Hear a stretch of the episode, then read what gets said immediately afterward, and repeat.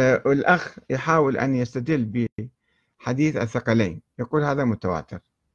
هو لا يعرف معنى التواتر. التواتر لازم من عهد رسول الله إلى اليوم مثل الصلاة آه، صلاة الصبح ركعتان هذا متواتر. الظهر أربع ركع هذا يسموه حديث متواتر. سنة متواترة.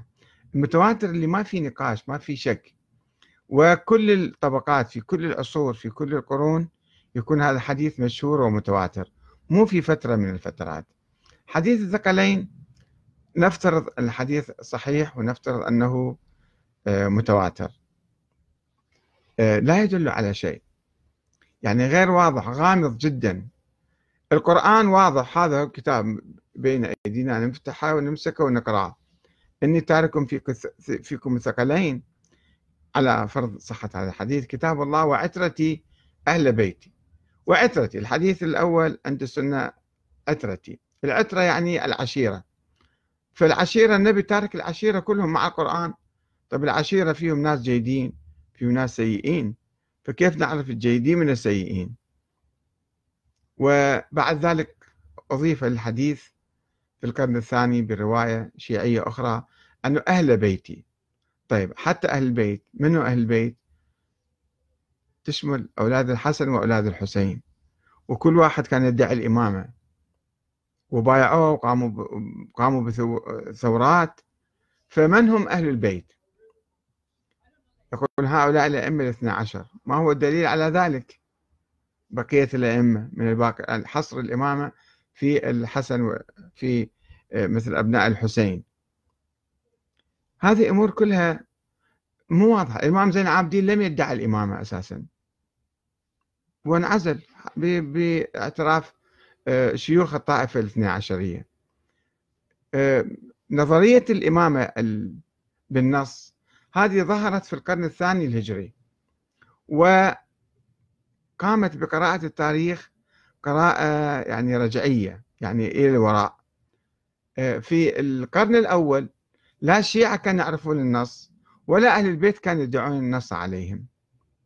ولكن عندما ألفت هذه النظرية نظرية الإمامة الإلهية بالنص آه، قاموا بقراءة التاريخ وقالوا أن النبي قد نص على الإمام علي آه، مثلا في حديث الغدير. وحديث الغدير ليس واضحا ولا نصا صريحا في الإمامة. ماذا نستفيد من كل ذلك؟ هذا هو السؤال. لو افترضنا إحنا سلمنا في النقطة الأولى أنه نهج أهل البيت هو النهج الإسلامي الصحيح. نهج الإمام علي والإمام الحسين وأهل البيت الذين ساروا على هذا الخط في مقابل خط التزوير والتحريف والإنقلاب على جوهر الإسلام التمسك بقشور الإسلام والصراع على السلطة واحتكار السلطة واللعب بالدين. هذا خط أهل البيت لا ما في عندنا نزاع عليه. الكلام أنه نجي الآن وفضائل أهل البيت اللي ذكرها الأخ آه، عبد الرسول موسى أيضا لا نقاش فيها. مسلمة. فما عندنا نزاع حولها.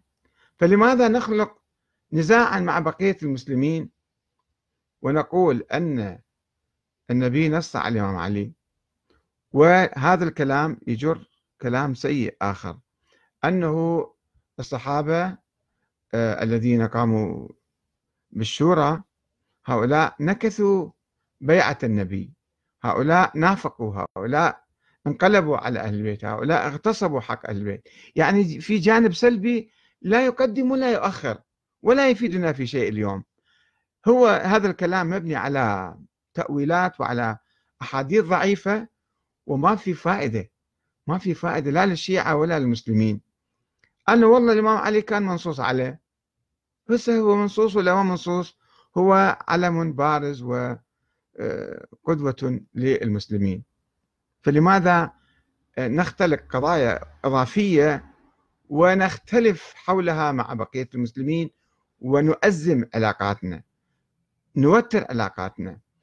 لأنه نبدأ مثلا كما يوجد في الزيارات والأدعية والزيارات التي يقرأها وموجودة في كتاب مفاتيح الجنان وغيره سب ولعن وشتم وكذا واتهام بالاغتصاب إسقاط نظرية الشورى. هي نظرية الشورى نظرية أهل البيت. فإحنا نجي نسقطها ونعتبرها هاي نظرية سلبية نظرية مو زينة. طيب بعدين شو نسوي إحنا الآن؟ إذا إذا الشورى خاطئة فيجب أن نجلس بلا حكومة ونرفض الحكومات الظالمة. ونرفض حكومة الشورى فننسحب عن الحياة. أثر سلبي على الشيعة يكون. ننسحب من الحياة ونهمش في التاريخ. الآن رجعنا إحنا يعني الشيعة الآن بالحقيقة هم عندهم ثورة على الفكر الإمامي.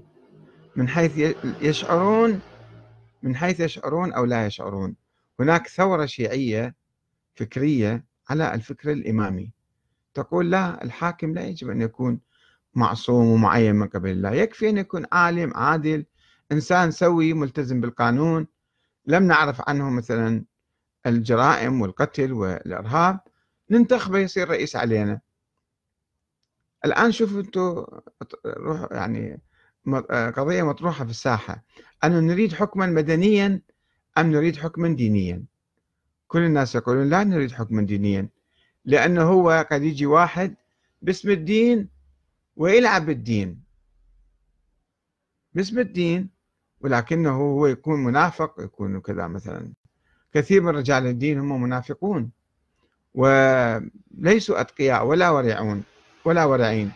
فكيف نعتمد عليهم؟ يكون عندنا حكم باسم الدين ويكون يعني هو ضد الدين. فإذا نريد حكم مدني. الإسلام لم ينص على حكومة دينية ولم ينص على رجل يخلف النبي آه، في الحكم وعلى نظرية النص إلى يوم القيامة أنه الحكومات تأتي من الله تعالى. هذه قضية مثالية وخيالية ووهمية ومضرة للشيعة وللمسلمين وللشيعة بالدرجة الأولى. عندما يعتنقوا هذه النظرية واعتنقوها خلال ألف سنة فكانت سببا في تأخرهم. الآن عندما عادوا إلى نظرية الشورى احتيوا وبعثوا من جديد ويقودون العالم الإسلامي ربما الآن هم.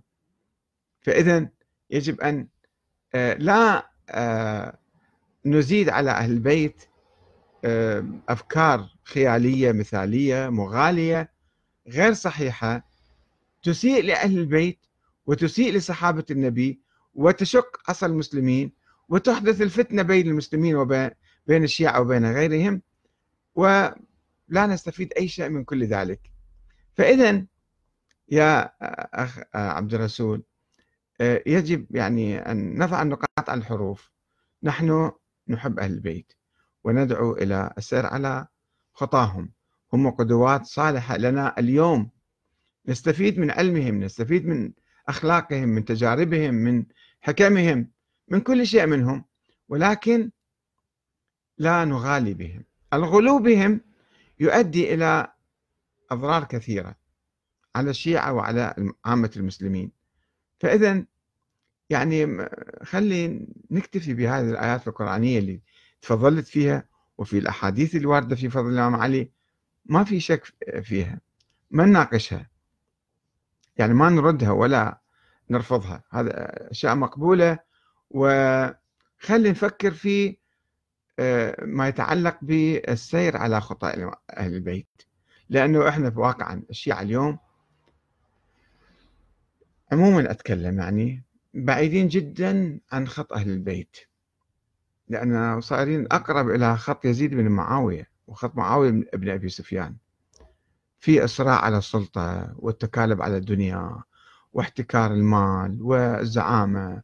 هي هذه الأمور التي دمرت المسلمين ونحن الآن نمارسها. نتقاتل من أجل السلطة.